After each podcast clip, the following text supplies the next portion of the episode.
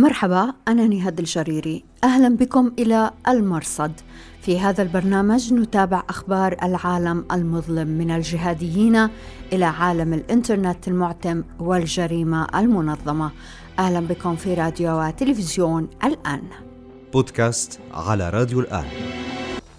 أهلا بكم إلى حلقة هذا الأسبوع من المرصد. نغطي فيها الفترة من 24 إلى 31 أكتوبر 2021 إلى العناوين. بالعصا والجزرة الجولاني ينجح في تفكيك الجهاديين المستقلين في التركمان وما أبعد من التركمان فمن أكل الجزرة ومن اكتوى بالعصا. هل استفاد فيسبوك من شبكة للاتجار بالبشر والجنس؟ الاسم الجديد ميتا يأتي ومعه قديم ثقيل وبعد مرور عامين على قتل البغدادي خليفة داعش المزعوم ما الذي تغير على التنظيم؟ نستضيف هذا الأسبوع الأستاذ عمر أبو ليلى المدير التنفيذي لشبكة دير الزور 24 التي تضم مجموعة من الباحثين في شمال شرق سوريا. أبو ليلى خبير سوري في ديناميات الأمن والحكم في تلك المنطقة وبإمكانكم الرجوع إلى نص هذه الحلقة في أخبار الآن dot net. بودكاست على راديو الآن. انتهت مسألة جبل التركمان يوم الخميس 28 أكتوبر بموجب اتفاق بين هيئة تحرير الشام وجماعة جند الله التي يقودها أبو فاطمة التركي. لم يصدر بيان رسمي لا عن الهيئة ولا عن أبي فاطمة بخصوص بنود الاتفاق لكن الواضح هو أن جماعة أبي فاطمة خرجوا من الجبل إلى جهة غير معلومة ويبدو أن الجبل خلا إلا من الهيئة. المقدمات كانت مساء السبت 23 أكتوبر عندما بدأت الهيئة تحشد أمنييها وعسكرها للهجوم على جبل التركمان. في البداية وردت أنباء أن المستهدف هو مسلم الشيشاني وجماعته جنود الشام. ثم تواترت الأنباء أن الهيئة تسعى وراء خوارج متطرفين تكفيريين في الجبل وهو ما استثار الشيشاني الذي تعهد بقتال الهيئة إن اضطر. بدأ الهجوم على التركمان صباح الاثنين لكن في المساء خرج مسلم وجماعته بموجب اتفاق مع الهيئة وبضمان التركستان. وعندها أعلنت الهيئة أن مشكلتها هي مع أبي فاطمة التركي وجماعته جند الله. ويبدو أن جماعة الهيئة روجوا أن أبا فاطمة هو من بقايا التيار الحازمي الذي كان يوما داعشيا. لكن حساب أبي يحيى الشامي الذي يعرف عن نفسه بأنه طالب علم أوضح ما يبدو أنه إشكال في الأسماء. ففرق بين كتيبة جند الله التي تتبع أبا فاطمة وجماعة جند الخلافة. يقول أبو يحيى إن جند الله تأسست في 2015 مرابطة في التركمان. أما الحازميين فهم جماعة جند الخلافة التي تأسست في 2013 في ريف المهندسين في مناطق داعش وأن جبهة النصرة آنذاك أسرت وقتلت جزءا منهم فيما تولى داعش قتل وأسر القسم المتبقي. وهكذا اليوم وقع قتال شديد في جبل التركمان خلال الفترة من صباح الاثنين حتى مساء الخميس. قتل من قتل وأسر من أسر إلى أن وقع الاتفاق. بحسب الشمال الحر نصير الهيئة. نص الاتفاق على أن تسلم جماعة أبي فاطمة الأسرى والمطلوبين والسلاح وتخرج من إدلب. وبينما اعتبر أنصار الهيئة ما حدث نصرا رأى المعارضون خلاف ذلك. حساب رد عدوان البغاة علق. لم يتم الاتفاق بين الهيئة والمستقلين إلا بعد عجز الهيئة عن إنهائهم بالقوة. وكذلك رأى حساب مزمجر الثورة السورية أن الهيئة عجزت عن التقدم شبرا واحدا في الجبل. ما حدث في التركمان لن يمر بهدوء. المنطقة بعد التركمان ستكون غير ما كانت قبل التركمان. الهيئة باتت توسع سيطرتها على الأطراف وتدفع بالمستقلين خارج الحدود فإما ينضمون إليها وإما يخرجون ولكن إلى أين؟ خارج إدلب ثمة ثلاث مناطق نفوذ الجيش الوطني الجيش الحر داعش والنظام.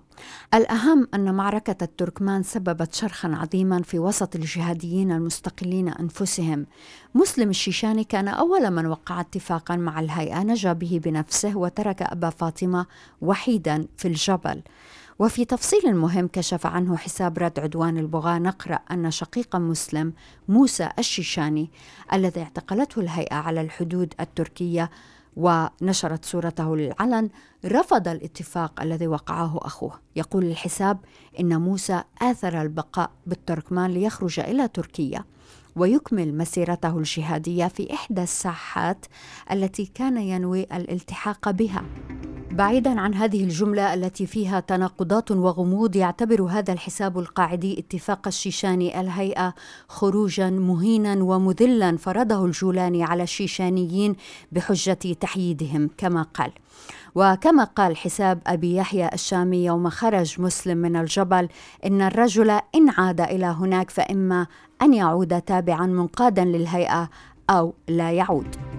داعش رد على أحداث التركمان بسؤال أليس فيكم عمر جديد؟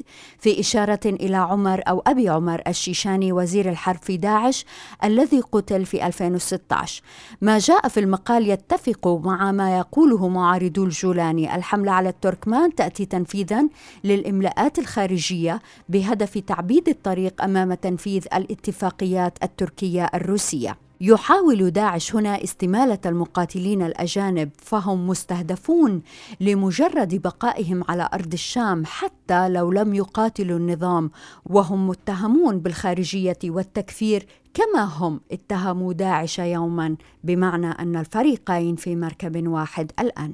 بودكاست على راديو الآن. قتل القيادي الأمني في هيئة تحرير الشام مروان أبو عمر الفلسطيني في انفجار عبوة ناسفة يبدو أنها استهدفت سيارته في بنش شمال شرق إدلب بحسب مزمجر الثورة السورية مروان فلسطيني معه جنسية سويدية ويعتبر مساعدا اولا للقيادي أبي مريا القحطاني القيادي في هيئة تحرير الشام.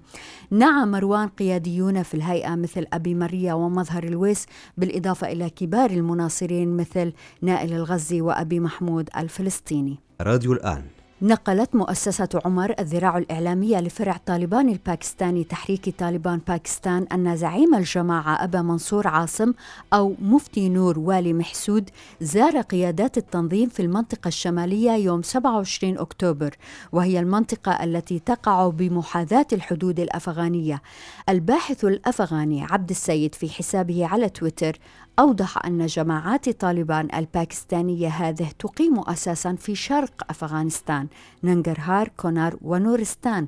وبالتالي اعتبر السيد أن طالبان إذ سمحت لطالبان الباكستانية بالإعلان عن هذه الملاذات غير الرسمية في أفغانستان قد يكون تحذيرا من طالبان أفغانستان إلى باكستان على خلفية التقارير الأخيرة بقرب التوصل إلى اتفاق مع أمريكا لاستخدام المجال الجوي الباكستاني لشن هجمات في العمق الأفغاني. بودكاست على راديو الآن.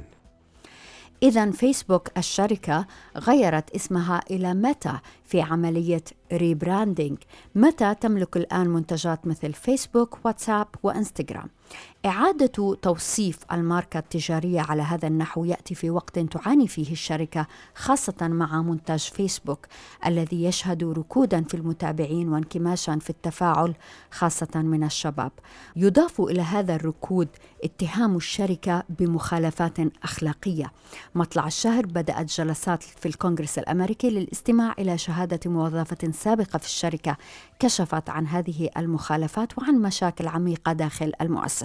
فرانسيس هاوغن كشفت عن وثائق تثبت أن فيسبوك تجاهلت وغضت الطرف عن تقارير بأن شبكة التواصل الاجتماعي الأولى في العالم تستخدم لأغراض تعزيز الإرهاب والاتجار بالبشر والجنس وحتى تشجيع الانتحار بين المراهقين. الشركة لم تتخذ أي إجراء للحد من هذه الممارسات. في واحدة من هذه القضايا علم مسؤولو فيسبوك عن شبكة لتهريب النساء من آسيا واستخدامهن في تجارة الجنس وذلك من خلال صفحات وحسابات على فيسبوك. مكتب التحقيقات الفيدرالي قبض على رأس العصابة وأودعه السجن إلا أن أيا من الوثائق المقدمة للقضاء الأمريكي لم تظهر تعاونا من فيسبوك للقبض على هذه الشبكة. ومن المخالفات الأخرى التي تتهم فيسبوك بارتكابها هي أنها تتيح بيئة ترتفع فيها مستويات لغه العنف والكراهية، كما حدث عندما استحدثت الشركة اسواقا جديده في أفغانستان وميانمار من دون وضع ضوابط الاستخدام. حتى إن فيسبوك في ميانمار ارتبط اسمها بالجرائم المرتكبة ضد الروهينجا المسلمين. بودكاست على راديو الآن نجحت السلطات الأمريكية في ترحيل إرهابية هولندية لمحاكمتها بتهمة جمع أموال لصالح جماعة شباب الصومالية. فريحة حسن كانت عضوا في شبكة احتالت على متبرعين بأن الأموال المتبرع بها ستذهب للمدارس في الصومال إلا أن ما جمعته هذه الشبكة مول خلايا إرهابية في نيروبي كينيا وهرجيسا الصومال خلال الفترة من 2011 إلى 2014. في ألمانيا حكم القضاء الألماني على إرهابية بالسجن عشر سنوات فقط بعد إدانتها بالمشاركة في تعذيب وقتل طفلة إيزيدية. الإرهابية جينيفر فينس اتخذت وزوجها العراقي سبية إيزيدية وكان لها طفلة تبلغ خمسة أعوام. الإرهابية لم تتدخل عندما عذب زوجها الطفلة وربطها في الخلاء تحت الشمس الحارقة حتى ماتت من العطش. فريق الدفاع عن الإرهابية شكك في شهادة والدة الطفلة وحتى في إن كانت الطفلة قد ماتت أصلاً. تعاني الإيزيديات الناجيات من إرهاب داعش في سبيل إثبات مظلمتهن للقضاء الذي يتطلب شهادات وإثباتات. معظم الإيزيديات لا تتوفر لديهن صور أو حتى معرفة بالأسماء الحقيقية لمن اغتصبهن وعذبهن ومن وقف يتفرج عليهن من نساء الإرهابيين. بودكاست على راديو الآن. عامان على قتل أبي بكر البغدادي خليفة داعش المزعوم قتل في عملية خاصة قامت بها القوات الأمريكية في قرية باريشا شمال إدلب قرب الحدود مع تركيا. ماذا تغير على داعش؟ من استفاد من قتله؟ نرحب بالأستاذ عمر أبو ليلى. هو خبير سوري يركز على ديناميات الأمن والحكم في شمال شرق سوريا. المدير التنفيذي لشبكة دير الزور 24 التي تضم مجموعة من الباحثين في تلك المنطقة. شكرا جزيلا لوجودك معنا أستاذ عمر. مرحبا شكرا لكم على الاستضافة ويسعدني التواجد من جديد في برنامجكم. أستاذ عمر ما الذي تغير على داعش بقتل البغدادي؟ آه، اولا من جديد اكرر شكري على الاستضافة. حقيقة منذ لحظة مقتل البغدادي آه، هناك تغيرات واضحة في تنظيم داعش لكن لا يمكننا القول أن التنظيم قد انهار. آه، بالضبط ما توقعناه من قبل منذ أن بدأت قوات التحالف الدولي مع شريكها على الأرض قوات سوريا الديمقراطية المعروفة بقسد بإعلان المعركة ضد تنظيم داعش واستئصاله جغرافيا من الأراضي السورية بأكملها وحتى خارج سوريا. توقعنا هذا السيناريو بشكل مباشر من خلال معرفتنا بالواقع وبحيثيات الواقع التي كانت تدار من قبل عناصر التنظيم وقياداتها المحلية والأجنبية إن صح التعبير. كنا نتوقع سيناريو الخلايا وحتى هذه اللحظة التي أتكلم بها معك الآن آه، يوم أمس واليوم كان هناك عمليات اغتيال في مناطق شرق الفرات التي تسيطر عليها قسد وقوات التحالف الدولي. هذه الخلايا بكل تأكيد لا يمكن أن نقول أنها جميعا تتبع لتنظيم داعش لكن هناك نشاط ملحوظ لخلايا تنظيم داعش في مناطق سيطرة قسد والتحالف الدولي. أيضا هذه الخلايا تنفذ أجندات تخدم بطريقة أو بأخرى النظام الإيراني أو إيران وميليشياتها بالإضافة لنظام الأسد المتواجدين في مناطق آه، غرب الفرات. نحن نتكلم عن شرق وغرب الفرات. أطراف دولية عديدة متصارعة على 33 آه، ألف كيلومتر مربع. هي محافظة دير الزور تحديدا. آه، قوات قسد والتحالف الدولي من جهة وإيران وروسيا ونظام الأسد والميليشيات الإكسترا إن صح التعبير من جهة أخرى. جميعهم يتنازعون على السيطرة الجغرافية كما كان تنظيم داعش آه، قد سيطر عليها بشكل كامل تقريبيا يعني بنسبة 99% باستثناء بعض الأحياء التي كان يسيطر عليها نظام الأسد في الجوره والقصور في عام 2014 و15 16 اليوم هذه الفصائل الدولية تريد أن تبسط السيطرة من جديد. لكن بالعودة إلى نقطة البغدادي وماذا تغير؟ انهار التنظيم عسكريا بالشكل الظاهري، انهياره لم يكن مفاجئا، آه تابعنا المعارك التي جرت منذ تلك الم... الاعلان منذ ذلك الإعلان الذي أعلنه التحالف الدولي بدء المعركة ضد تنظيم داعش أصبح تسليم المناطق من قبل قيادات تنظيم داعش واضحا جدا باستثناء منطقة واحدة واحدة كانت قد استغرقت اسابيعا وأشهر وهي الباغوز وهنا اللغز الذي في نهاية المطاف أدى إلى مصرع البغدادي. أستاذ عمر التنظيم بدأ يخسر وبدأ ينحسر منذ بدء معارك الباغوز، اذا هل يمكن أن نقول إنه قتل البغدادي كان خسارة معنوية ليس أكثر؟ لا على العكس أثر بشكل كبير آه، مقتل البغدادي. بس اليوم أو في الحقيقة حينما نتكلم عن مقتل البغدادي في قتل البغدادي في نهاية المعركة ضد تنظيم داعش، لم يقتل في الرقة، لم يقتل في بدء المعارك ضد داعش، قتل في مرحلة كانت الباغوس تستميت على أن تصمد لبضعة أشهر لإطالة عمر تنظيم داعش آنذاك، قتل بتلك المرحلة الزمنية، المرحلة الزمنية التي كان قد انهار بنسبة تزيد 80 90% التنظيم منها يعني عنها. اليوم نتكلم أن خلينا نقول بالعامية أن البغدادي كان ورقة التوت التي سقطت من التنظيم آنذاك. ولكن بكل تأكيد ومما لا شك فيه أنه يمثل رمزا للعديد من من عناصره وأتباعه الذين انضموا للتنظيم سواء إلى جانب أو حتى المهاجرين صح تعبير بين قوسين أو العرب المحليين القيادات المحلية. لكن آه، خسارته خليني أعتذر على الإسهاب بهذه النقطة. لا يمكن أن نقول أن خسارة التنظيم لأبو بكر البغدادي تشبه خسارة تنظيم القاعدة لأسامة بن لادن. هناك مفارقتين يمكن أن نضعها بالحسبان. يعني آه، أسامة بن لادن بنى فكر بنى آه، منهجية لتنظيم سلفي جهادي إلى آخره. خلق أنصار ومتابعين وولاء حقيقي من عناصره على العكس تماما أبو بكر البغدادي جاء ونصب نفسه عبر منبر آه، مسجد آه، أحد المساجد في العراق الموصل وادعى أنه يمثل المسلمين. وهذه كانت من المفارقات الغريبة أمام مئات الملايين من المسلمين حول العالم الذين يعني أصيبوا بالدهشة أستاذ عمر في يناير 2019 يعني قبل تسعة أشهر تقريبا من قتل البغدادي كتبت حضرتك على تويتر تعليقا على أنباء عن أنه البغدادي اعتقل آه ذلك الوقت في دير الزور كتبت أنه البغدادي سوف يفضل أن يقتل نفسه على أن يستسلم وقلت وقتها أنه البغدادي غادر الدير منذ فترة طويلة ماذا يمكن أن تقول لنا عن الأيام الأخيرة للبغدادي؟ طبعا البغدادي وقيادات الصف الأول بتنظيم داعش ولا باقي الفصائل الجهادية التي آه، جاءت إلى سوريا إلى آه، مسقط رأسنا محافظه دير الزور شرق سوريا.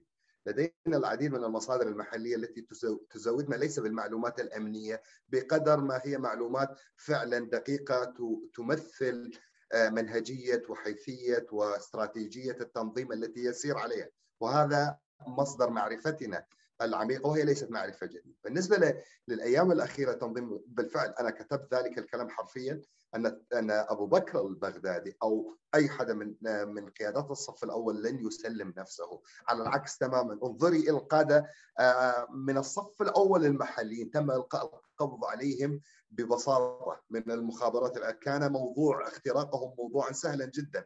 القيادات الأجنبية سواء العراقية أو الأجنبية كأجانب آه، ليسوا بعرب أو ليسوا ناطقين باللغة العربية، هؤلاء من النوع الذي لا يفضل أن يستسلم لأنه تشرب عقيدة أو تشرب فكرة أنه إما قاتل أو مقتول. الكل أقسم على القرآن أنه آه، لن آه، يستسلم لما ما بين قوسين لأعداء الإسلام. هم هذه العقيدة التي تربوا عليها بناء البغدادي. ولذلك البغدادي لم يكن يقبل لنفسه أن ينكسر أمام أنصاره في يوم من الأيام وأن يكون معتقلا. هذا السبب الرئيسي الذي جعله دائما يلبس الحزام الحقيقي. وليس الحزام الذي ملآن بالرمل ولا الأحزمة الكاذبة إن صح التعبير العديد يعني من الفكاهة آه، في داخل تنظيم داعش وعناصره وقيادته إن العديد كان يدعي إنه يلبس حزام. وحينما تفتحين الحزام تجدين أنه كيسا من الرمل حتى لم يكن فيه متفجرات. هذا دليل على أن بعضهم كان يستخدم هذه الذريعة. نعم. أستاذ عمر بالنسبة لهذه الجزئية أن البغدادي كان يلبس حزاما ناسفا إلى أي درجة الرجل لم يكن يشعر بالأمان كان يخاف على نفسه حتى ممن هم حوله ويفترض المقربين منه؟ طبعا هو آه، من خلال متابعاتكم ومتابعاتنا كل واحد من زاويته كان يعرف جيدا أن تنقلات بكر البغدادي ما بين العراق وسوريا وصولا إلى إدلب التي قتل فيها هذا يدلل دلاله واضحة على أنه لم يكن في مأمن. آه، حتى من عناصره المحليين أو قياداته طبعا أكثر الناس الذين لا يثق فيهم هي العناصر الغير عراقية لنكون واضحين. وخصوصا أنه كان في منطقة جغرافية ساخنة تشهد ساحة معارك اللي هي دير الزور تحديدا بالقرب من الموص آه، من الباغوز. الأمر الذي جعله بمرحلة ما آه، لا يثق حتى بقيادات الصف الأول آه، بالتحديد القيادات العربية أو القادة العرب في تنظيم داعش الذين آل مآلهم فيما بعد إلى السقوط بيد المخابرات العراقية أو السلطات الأمنية العراقية أو باقي الجهات الدولية المعنية بقتال تنظيم داعش حتى التحالف الدولي. انتقاله من دير الزور إلى إدلب ربما هي سابق لاوانها الحديث عن هذه النقطة. انتقاله من دير الزور إلى أدلب.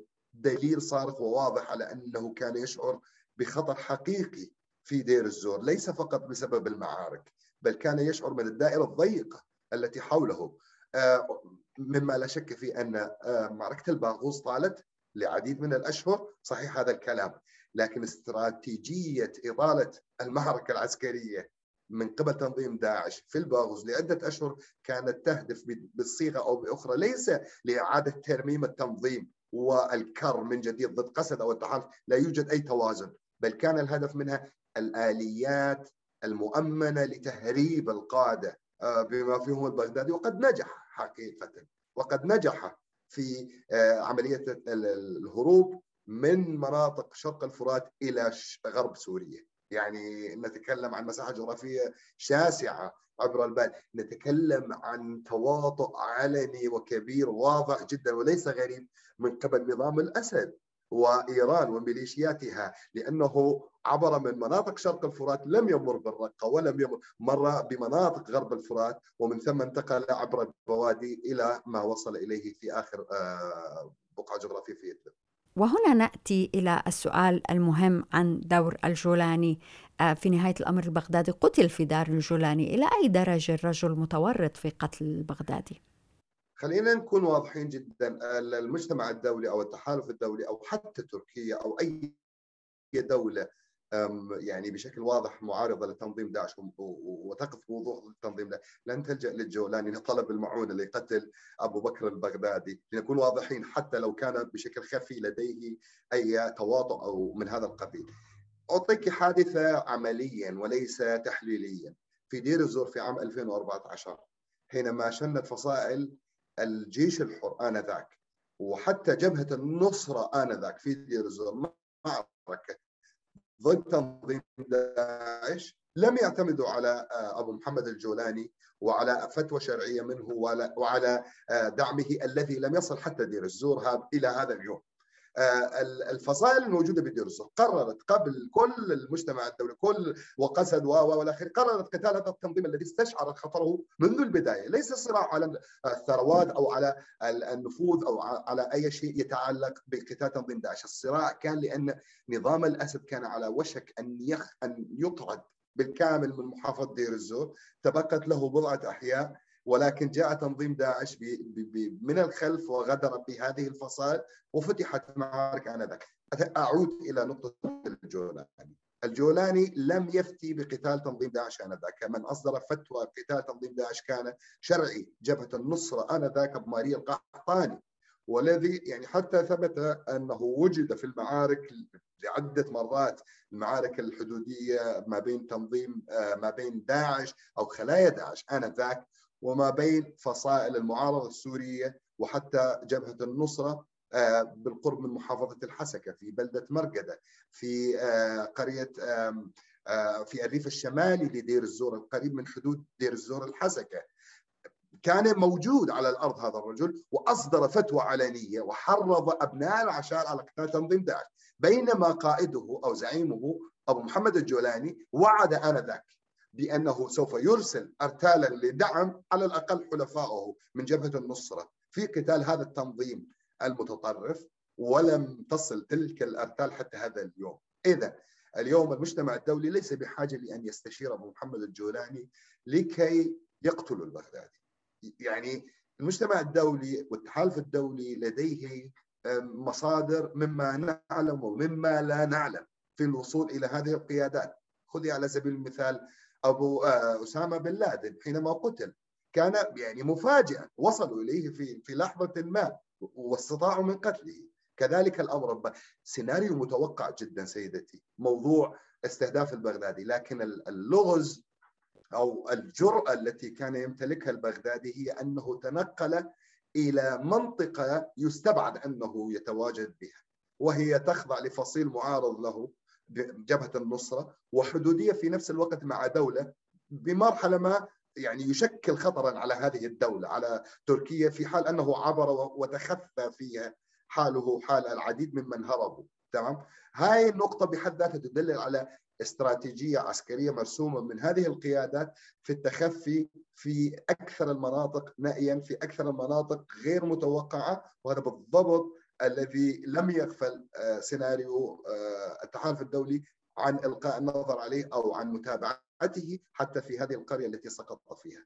الحقيقة أستاذ عمر نسمع لك ونستغرب كيف أنه البغدادي تمكن من الهرب من المعارك ومن منطقة التحالف وذهب إلى منطقة هي أمنيا فيها تشديد هي منطقة الجولاني. ومن معرفتنا بأمني الجولاني يعرفون الشاردة والواردة غريب أنه حمل معه هذا الخطر. في نهاية الأمر كان في جاسوس في هذه الدائرة التي لجأ إليها ونقل معلوماته للتحالف. ثقيت تماما أن الجولاني لو كان يعلم بمكان البغدادي على الأقل اعتقله ولم يخبر به حتى ربما دولة تركيا حتى لو وقع البغدادي بيد الجولاني لن يعطى هذا النصر لن يقوم الجولاني بإعطاء هذا النصر لتركيا أو للتحالف الدولي أو لأي طرف ثاني. مما أؤكده لك سيدتي الكريمة أن عملية استهداف الجولاني عفوا البغدادي في آه، باريشا أو في المنطقة التي سقط فيها هي كانت عن طريق زرع خلايا تتبع بشكل مباشر التحالف الدولي. وإلا التحالف الدولي لم يسير طائرات من شرق الفرات أو من قواعده في العراق وصولا إلى إدلب وهيئة تحرير الشام لا تعلم ماذا يجري. كانت تخشى على نفسها أن الاستهداف سوف يطالها لأنه تكررت الأحداث الأمنية. وكانت حتى يمكن تركيا بمرحلة ما على تنسيق أو بدون تنسيق بماهية العملية إلى أن أعلن فيما بعد. الأستاذ عمر أبو ليلى شكرا جزيلا لك.